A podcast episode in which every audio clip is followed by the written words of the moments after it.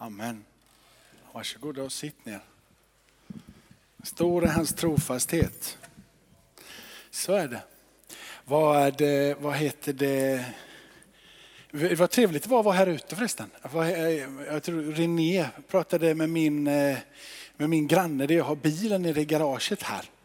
Och eh, hon vet att jag är här uppe. Jag har sagt att vi får komma förbi någon gång. Men nu var det tillfälle så henne står där nere och käkade en våffla tillsammans med dig. Och det är ju alltid roligt. Och eh, hon ställde en väldigt, väldigt relevant fråga. Finns det ingen möjlighet att kunna komma och ha samtal bara om, om, om livet? Man går igenom olika saker och bara sitta ner och samtala. Och jag tror att det finns många, inte bara hon utan många fler som bara vill sitta ner och ha ett generellt samtal. Eh, om du känner att du har, det skulle jag vilja göra så tror jag, kom och prata här så försöker vi samla en grupp. Och sen så kan man bara, bara skriva upp, här kom de här kvällen för att samtala lite om frågor. För jag, jag talade om för henne hemligheten, hon sa att jag, jag börjar bli lite äldre sa hon, så att, så att hon, hon vill gärna komma till himmelen. Och då sa jag, hur kom, hon frågade liksom, hur kommer man dit? Så jag, vi har ju en stege här inne. Så, så att det är bara att komma. Så, hon, han med stegen vill jag träffa igen, sa hon. Ja, men det är ju lätt, det har vi för parkering.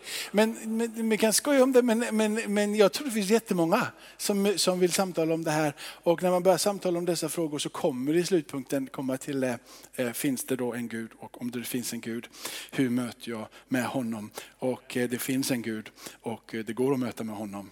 Och eh, du möter med honom genom namnet Jesus. Amen. Och sen så, så, eh, så jag tror vi har en spännande höst om vi, om vi vågar bara se lite, eh, alltså, våra, våra, våran, eh, eh, eh söndagsskolesvaren som vi har, att det är Jesus enda svaret. Det är det som förvandlar våra liv. Men jag tror inte att eh, världen är inte riktigt redo för våra söndagsskolesvar. Människorna som är utanför kyrkan behöver ett lite, lite, lite mer liksom substans eh, och kunna brottas med några frågor innan man kommer till den förståelsen över att det enda som man behöver är ett söndagsskolesvar. Eh, jag tror man behöver liksom få, få, få vältra sig lite grann i de här olika frågorna och när man väl har vältrat sig i de här frågorna så förstår man hur lite man vet och när man förstår hur lite man vet och hur lite man förstår eftersom det finns så mycket att förstå och veta så inser man att det enda som behövs det är att få möta med Jesus. Så jag ber Fader i himmelen för den här stunden i den här gudstjänsten där vi ska försöka att, att eh, förstå ditt ord. Vi behöver din andes närvaro när vi läser ordet, ordet som är blir en, en, både ett, en borg för oss, ett skydd för oss, livet för oss, hopp hoppet för oss. Eh, det här ordet som är utandat utav dig själv, som blir den högsta eh, förhållningssättet till allting annat som strömmar i livet. Herre, hjälp oss att bli gripna utav det, förvandlade i det Herre. Eh, kom med din ande i Jesu namn. Amen. Eh, anledningen till den här predikan, eh, troligtvis blir det bara en del. Det kan bli två delar, men, men det, ja, målet är att det ska bli en del. Eh, och, och är det, jag ska tala om på slutet sen om det blev en del eller två delar. Men Eh, eh, varför jag väljer att predika om det här på, på en uppstartssöndag. Egentligen skulle jag ställa mig här och bara säga att wow vilken höst vi har framför och nu kör vi. Och det är framåt och ända in i kaklet och allting går fram. Och liksom om man jämför med vad vi var förra året vid den här tiden så är vi nog 100 procent i ökning. Och vi har sett det här och det här och kom igen nu kör vi. Sådär, va? Men du behöver inte det egentligen. Eh, det där behöver du kanske just nu för två minuter. Men om du får med dig någonting som bär, någonting som har substans, så tar du också det igenom den period när du känner att ingenting händer, ingenting fungerar. Och eh, min eh, anledning till den här predikan är att jag har mött människor som är så besvikna på Gud så de vet inte om de vill fortsätta vandra tillsammans med Gud. Och eh, när jag nämnde det förra söndagen att jag ska prata om ifall det finns en god Gud och vad är han då för någonstans och sådär. Så var det en som sa, jag hade en, en kompis en, som var kristen jättelänge och någonstans så vet hon att Gud finns men hon känner inte längre och hon känner inte att han är god. Och så känner ja, men det här är ett ämne. Vi upplever Gud som god ibland och ibland så bara känner vi att han är helt borta. Och vi som kristna vi pendlar däremellan hela tiden. Och jag tror att du, jag, i olika mått har gått igenom den här perioden i våra liv vid olika tillfällen där vi har upplevt så mycket smärta som man har svårt att tro på en god Gud. Eh, återkommande, jag är så besviken så jag vill inte längre ha med Gud att göra. Eh, man, man har lämnat. Och jag skulle säga att svaret för alla de frågorna eh, på, på, på, enkelt, jag ska ge svar, tre svar i början och sen ska jag problematisera så jag komma tillbaka till svaren. Men för det första svaret på den frågan, det är att du måste hjälpa dig själv eller den personen som ställer de här frågorna och vill lämna Gud eller inte tror att Gud kan vara med. Det är att ta dem tillbaka till korset. Det är alltid att komma tillbaka till korset. Eh, korset är den platsen där du får svar på Jesu lidande så att du kan få svar på ditt lidande. Det är den platsen där, där på något sätt detta hemska som skedde på korset av ondska och förnedring och pinande. Och där Jesus själv säger, varför har du övergivit mig? Min Gud, min Gud, varför har du övergivit mig? Han uttrycker varför. Och jag vet att det är en fråga som du eh, eller dina vänner och alla gånger de utanför kyrkan ställer. Varför Gud? Varför drabbas jag? Varför händer det här mig? Varför Gud? Och då står du där och du har inget svar. Du har inget svar. Och Bibeln ger inte heller svar på det. Bibeln ger inget svar på Golgata varför det hände dig. Men Bibeln ger ett riktigt bra svar vad det absolut inte kan vara. Och hans svar vad det absolut inte kan vara, det är att han inte älskar dig. Varför händer det här?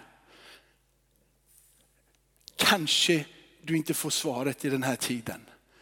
Men du kan få svaret varför inte. Och det är för att han absolut inte älskar dig, utan därför att han älskar dig. Och det händer på korset. Nästa sak som du behöver titta på, det är vad som händer i hoppet i den uppståndne Kristus. I den uppståndne Kristus är det en fysisk kropp. Han uppstår fysiskt. Och den dagen som du dör så ska du också en gång uppstå fysiskt. När Jesus går fram till korset och när han dör på korset så gör han det för att han har ett hopp. Han levde i hoppet. Han såg det aldrig och han har inte sett det fullt ut heller idag. Men han levde i hoppet av att en dag få vara tillsammans med dig och mig i evighet. En upprättad relation mellan dig och Gud. Det var hoppet som Kristus hade. Och du och jag, vi har samma hopp som Kristus. För Kristus har inte fått uppleva det fullt ut, det han, det han lämnade himmelen för. Hoppet som drev honom att en dag få sitta tillsammans med dig och mig i evigheternas evighet med en helt ny festmåltid i himmelen. Han drevs av ett hopp. Och det hoppet är ditt och mitt hopp idag. Vi har samma hopp som han. Och han har lidit med dig för att du ska förstå att han inte lider med dig men vill hjälpa dig ur ditt lidande och in i det hopp som finns i han. Amen. Så korset på frågan varför smärta, varför lidande, varför ondska. En sak, du måste gå tillbaka till hoppet. Och när du går tillbaka till korset, hoppet där, så kommer du att se det som ligger framåt. Så du behöver gå bakåt och du behöver gå framåt. Men en sak som du måste göra, det är att du måste gå in i evangelium. Du behöver gå bakåt och du behöver gå framåt, du behöver gå in i evangelium. För evangelium är mycket mer än bara korset och hoppet om att en dag få möta honom. Evangelium är den fullständiga presentationen av vem Gud är. Den totala uppenbarelsen och kraften och allt som finns där. Så du behöver gå in i evangelium om du vill få svar på smärta, lidande och ondska. Du ska inte, lätt hänt är när lidande kommer. Det är en reflektion som sker naturligt i dig, att vi tar avstånd ifrån Gud. Men det som borde hända när lidande och smärta och ondska kommer in, borde vara att vi går närmare Gud. Och ställer oss frågan att titta bakåt och titta framåt, men att titta in i evangelium. Varför? Låt evangelium få förklara för dig problematiken med smärtan, med lidande, varför ondska existerar. Evangelium i sin helhet förklarar och ger dig förtröstan på en Gud som är med. Så du behöver gå bakåt, du behöver gå framåt, du behöver gå in i evangelium. Nu läser vi en bibeltext. Och vi läser från första Petrus brev kapitel 1 och vers 3 ner till vers 12. Välsignad är vår Herre Jesu Kristi Gud och Far. I sin stora barmhärtighet har han genom Jesus Kristus, uppståndelsen från de döda, fött oss till, på nytt till ett levande hopp. Till ett arv som aldrig kan förstöras, fläckas eller vissna och som förvaras åt er i himlen. Med Guds makt bevaras ni genom tron fram till den frälsning som är redo att uppenbaras i den sista tiden. Var därför glada, även om ni nu en liten tid måste utstå olika prövningar. Det är jobbigt.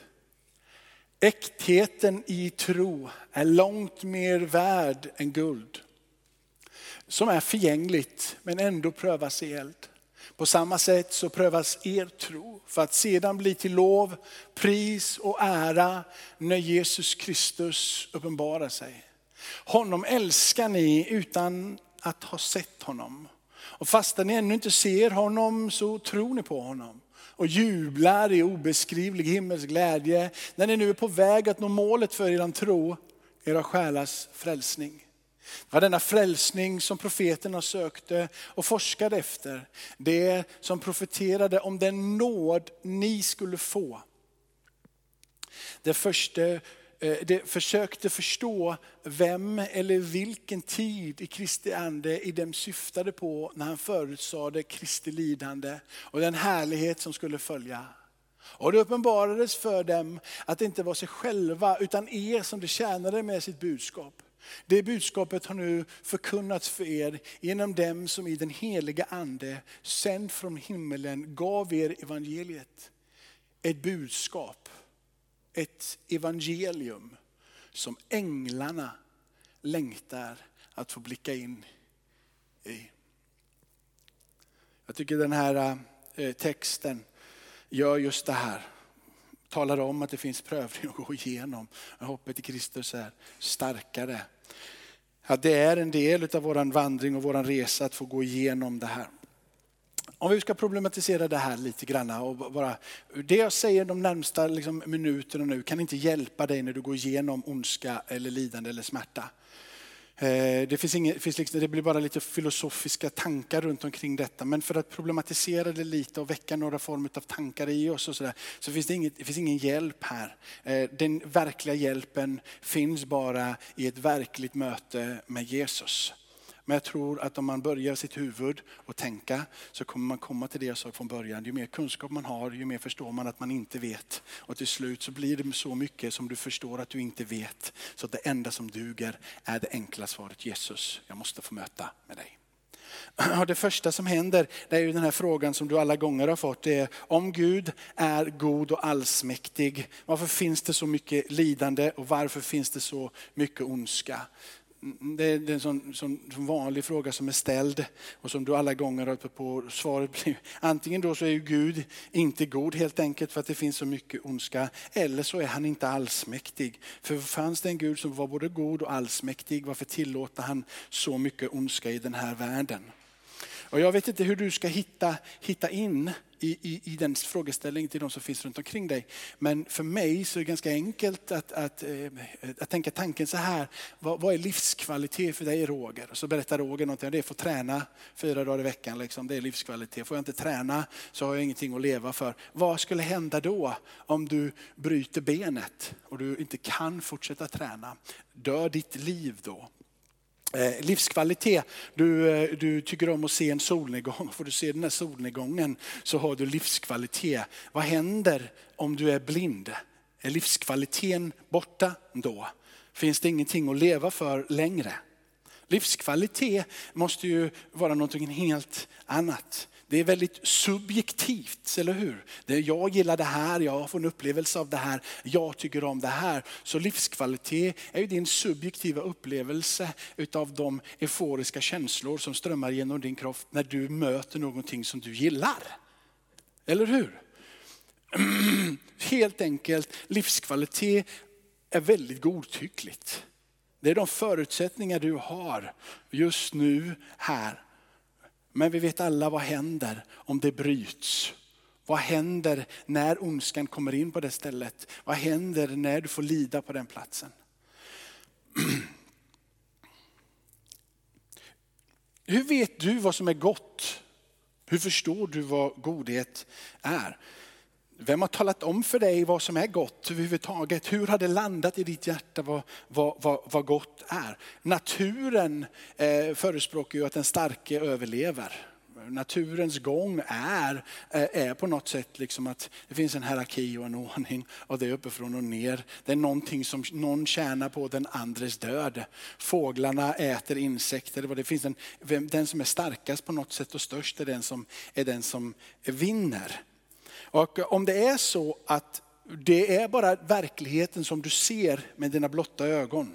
Det vill säga det finns ingen Gud, det finns ingen kraft, det finns ingenting som är mer än det som du ser. Det som du har i framför dina ögon är det enda som existerar och det finns ingenting mer. Så är det ju frågan hur du i hela världen förstår vad som är gott. När det då rent naturligt borde vara att den ene lever på den andres bekostnad. Eller? Förstår ni? Min, det, det, blir, det, blir, det blir så konstigt. Alltså, helt plötsligt så kommer vi och säger så här, ja, men vi förstår det här för vi har kunskap och vi har erfarenhet och vi har utbildningar och vi har ett samvete. Och det är de då som har talat om för dig hur du ska förhålla dig. Helt plötsligt så blir ditt samvete Gud i så fall. Eller utbildningen blir ju en Gud som talar om. De här sakerna är det som talar om för dig vad som är det som är rätt och riktigt. Om det nu är så att det inte finns en Gud, men vi vet ju att det finns en Gud. Det finns ett, som innan, innan, innan Jesus, 400 år innan Kristus, så, så var det en massa med sådana filosofer som, som sen även tog in det här i kristendomen. Och det, det de kom fram till tycker jag absolut är sant. Frågan är, är det, är det goda eh, gott för att Gud vill det? Eller vill Gud det goda för att det är gott? Och det bibliska svaret blir ju att det goda är gott för att Gud har sagt att det är. Det måste finnas en övre ordning för att kunna tillämpa det så här under. Gud säger hur man förhåller sig till det som han gör och vi förstår det som gott för att han säger det. Inte att Gud gör någonting och det är gott. Vi ska läsa några bibeltexter sen för att sammanfalla det här till varandra. En annan fråga som, som är som är intressant att problematisera här innan vi det, det, kan inte hjälpa dig i din ångest, det kan inte hjälpa dig när ondska kommer, det kan inte hjälpa dig när smärta kommer. Men varför tar vi det goda för självklart? När vi hela tiden ifrågasätter det onda. Så vi tar det goda för självklart och då är frågan var kommer det goda ifrån eftersom vi tar det så självklart. Men den större frågan varför finns ondska? Och då varför för det är frågan som kommer, varför finns ondska? Det, det är ju liksom ingen som ställer mig, varför finns det goda? Vi tar det så självklart, det goda bara är, men varför finns ondska? Och det problematiserar vi. Frågan är, varför är vi så fixerade vid den här ondskan? Varför blir ondskan återvändsgränden? Varför blir lidande återvändsgränden? Varför stannar vi av där och lägger all våra fokus på det? Och här borta det goda, det tar vi för självklart. Men så fort det onda kommer så blir det en fixering kring det. Jag skulle vilja dra det ännu, ännu, ännu ett steg längre och säga att det onda eh, är för mig idag ett bevis på Guds existens. Eh, det onda eh, kan inte vara en känsla. Det onda kan inte vara en subjektiv upplevelse. Det onda kan inte vara någonting som vi har lärt oss genom erfarenhet. Varför? För att då skulle ondska skifta mellan alla tider. Ondska skulle bli ungefär som när vi pratar vad livskvalitet är. Din upplevelse. Det är du som bestämmer vad ondska är. Du bestämmer vad ondska är. Redan där så blir det knäppt. Det finns olika lagar i olika länder. Vilken lag är den rätta lagen? Vem bestämmer att det här är rätt och det här är fel? Vem bestämmer att det funkar över det här?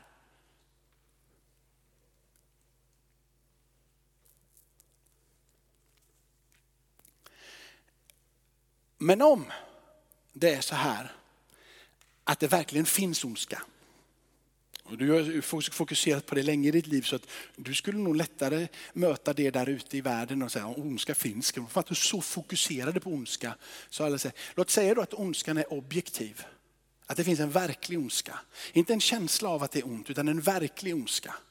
Någonting som är objektivt, något ont som existerar. Som faktiskt är så illa som det säger att det är och som våra upplevelser säger att det är. Det finns en objektiv ondska. Det enda som denna objektiva ondska då kan bevisa är att det finns en Gud. Så ondskan är sann. Så det enda som det bevisar fullt ut är att det finns en, god, finns en, en Gud. Och i så fall måste det finnas en god Gud. För hur skulle du annars förstå det? I en värld utan Gud, en värld utan Gud, så existerar inte gott eller ont. Lidandet på det sättet blir då helt irrelevant och lidandet blir meningslöst.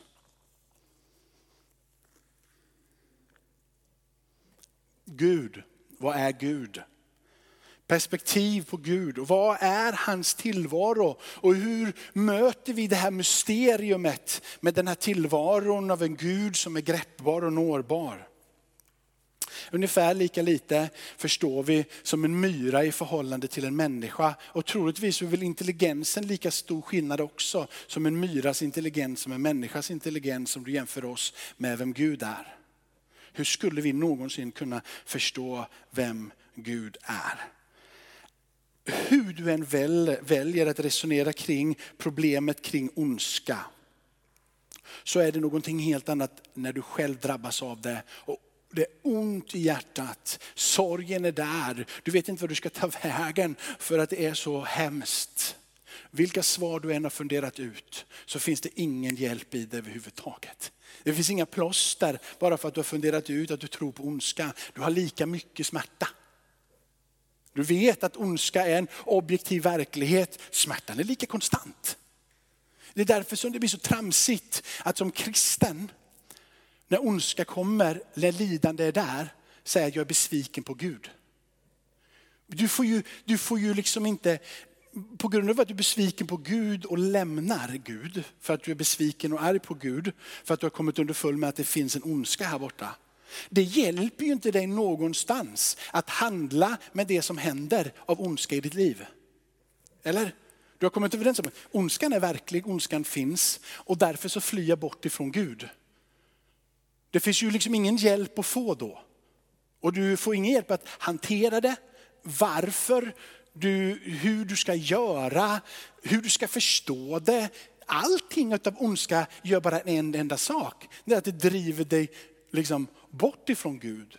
Men tänk ifall det är så här av att lidande är det som skulle driva dig och mig närmare Gud.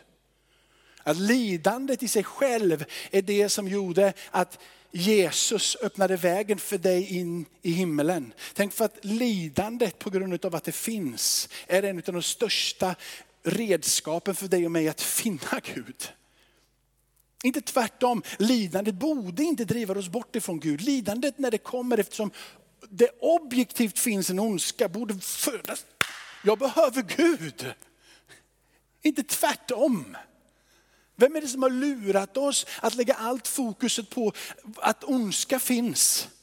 När vi borde fråga oss istället, varför finns det goda?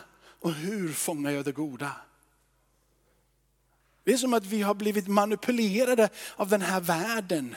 Det har kommit in ett sätt att tänka som om att inte någonting i den här världen skulle vara dåligt. Och så fort någonting är dåligt så skyller vi det på Gud och så lämnar vi Gud. När det som är ondska, om det nu är lika objektivt som det är att Gud är en god Gud objektivt så måste vi förstå att vi har fått någonting att titta in i som heter evangelium. För att försöka förstå hur vi ska förhålla oss till det som är ont och det som är gott. Vägen och svaret är evangeliumet, hoppet i Kristus om en frälsning och en plats tillsammans med honom. Där försoningen skedde på korset. Svaret finns kanske inte varför du just idag får gå igenom lidande. Men du har en frälsare som har ropat precis så som du ropar när du går igenom ångest och smärta. Varför mig? Varför jag? Varför Gud? Varför det här? Amen. Det finns en berättelse i Bibeln, Sadrak, Mesak och Abednego. Och när de blir vägrar att falla ner och tillbe kung eh, Nebukadnessa.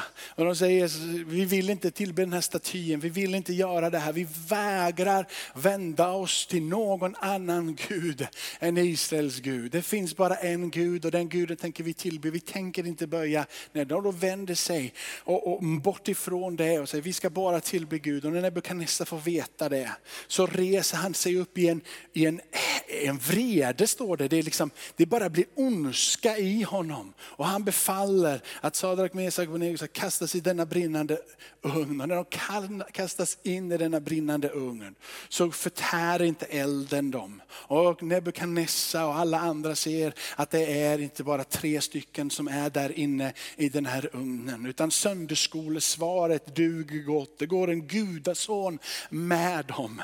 En gudason är där inne. Det finns någon som är med, någon som beskyddar. Det är ingen filosofi, det är inga goda tankar. Det är inte ditt sätt att lura ditt huvud och säga att det kommer gå bra. Det finns en verklig person. Det finns en som har dött och som har uppstått, inte i en form av flummig andlighet, utan en fysisk person som går med dig, som är Jesus, denna gudason som står där med dig och tar dig igenom. Det levande hoppet som vi har läst om i, i första Petrus brev.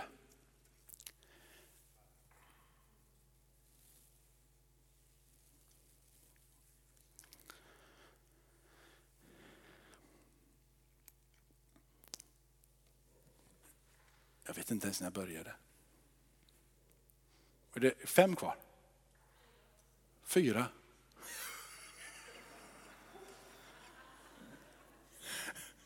Fem? Nej, fyra, det var bra. Så.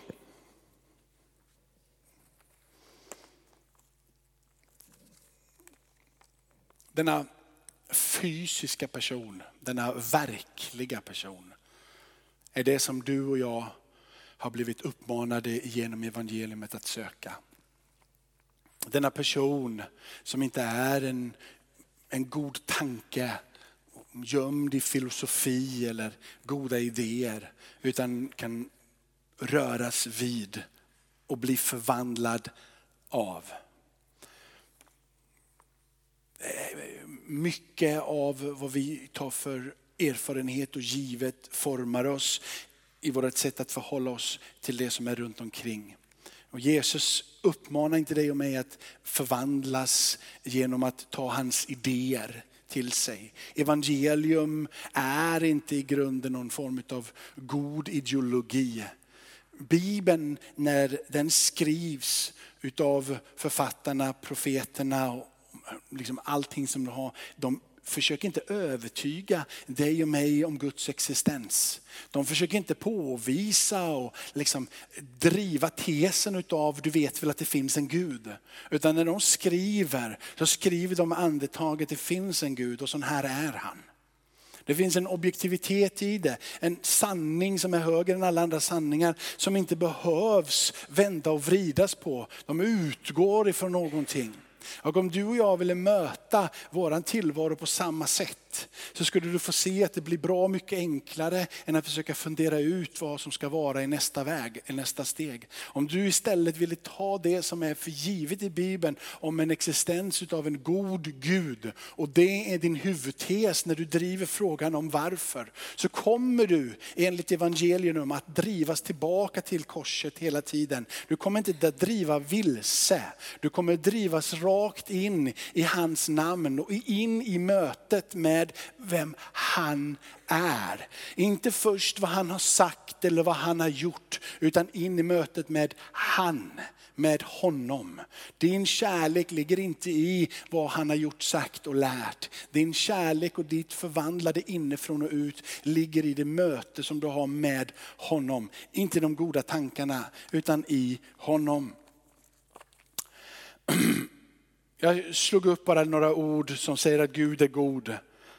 Och eh, det kommer goda saker ur Gud. När Gud skapade världen och det står där i första Mosebok så säger han, när Gud ser allt det här så säger han, det här är mycket gott. Det kommer gott ur Gud. Psalm 34 säger smaka och se att Gud är god. Saliga de människor som flyr till honom. Psalm 119, Gud du är god och du gör det goda lär mig dina stigar.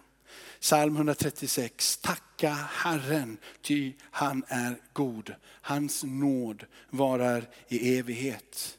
Matteus bergspredikan, de mest välkända orden ifrån Jesu undervisning. Om ni som är onda förstår att, göra era, att ge era barn goda gåvor, hur mycket mer ska då inte eran fader i himmelen ge det som är gott åt dem som ber honom. Jesus säger till när frågan kommer upp, varför kallar du mig god? Jesus säger, ingen är god utom en och det är Gud. När Jesus säger att ingen är god utom en och det är Gud, så kan vi inte i samma andetag vända oss till korset och tro att han dog och han uppstod och sen frågasätta om Gud verkligen är en god Gud. När Jesus säger, kan bara vara överst eller är det inte värt det någonting annat överhuvudtaget? Det Jesus säger är någonting som du och jag måste förhålla oss till. Annars har vi ingenting. Ändå har han lämnat många vittnesbörd, Apostlagärningarna 14, om det han gör och det är gott. Från himmelen så ger han regn och tider med goda skördar och han fyller era hjärtan med glädje över maten ni får. Ifrån Titus står det så, men när Guds frälsares godhet och kärlek till människorna uppenbaras så frälste han oss. Jakobs brev kapitel 1. Allt det goda vi får och varje fullkomlig gåva är från ovan och kommer ner ifrån ljusens fader hos vilken ingen förändring sker, ingen växling emellan ljus och mörker. Du och jag vi behöver lära oss att titta på korset. När du tittar på korset så vet du att det finns en som har varit och upplevt mer övergivenhet än vad du har upplevt.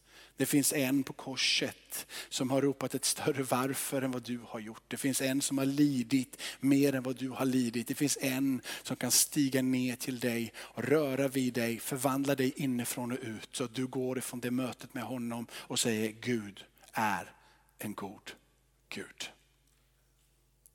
Tackar dig Fader i himmelen för att vi får komma till det dukade bordet idag Herre.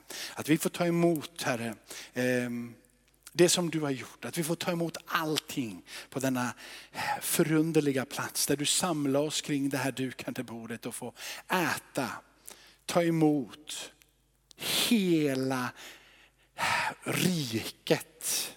En plats som du har förberett där vi påminner oss om allting du har gjort och tar emot allting som finns att ta emot Herre. Låt den här stunden vid nattvarden Herre få bli till förnyelse, kraft och styrka. Och att vi fick lämna våra funderingar och bara titta på dig. Korset, den förvandlande kraften, hoppet, hoppet i dig Herre. Se in i evangelium och låta oss få bli förvandlade av mötet med dig själv Herre. Tack för att du är här i slutet av den här gudstjänsten. Tack för att du möter oss. Tack för att du hjälper oss stödjer oss och ger oss den kraft som vi behöver. I Jesu namn. Amen.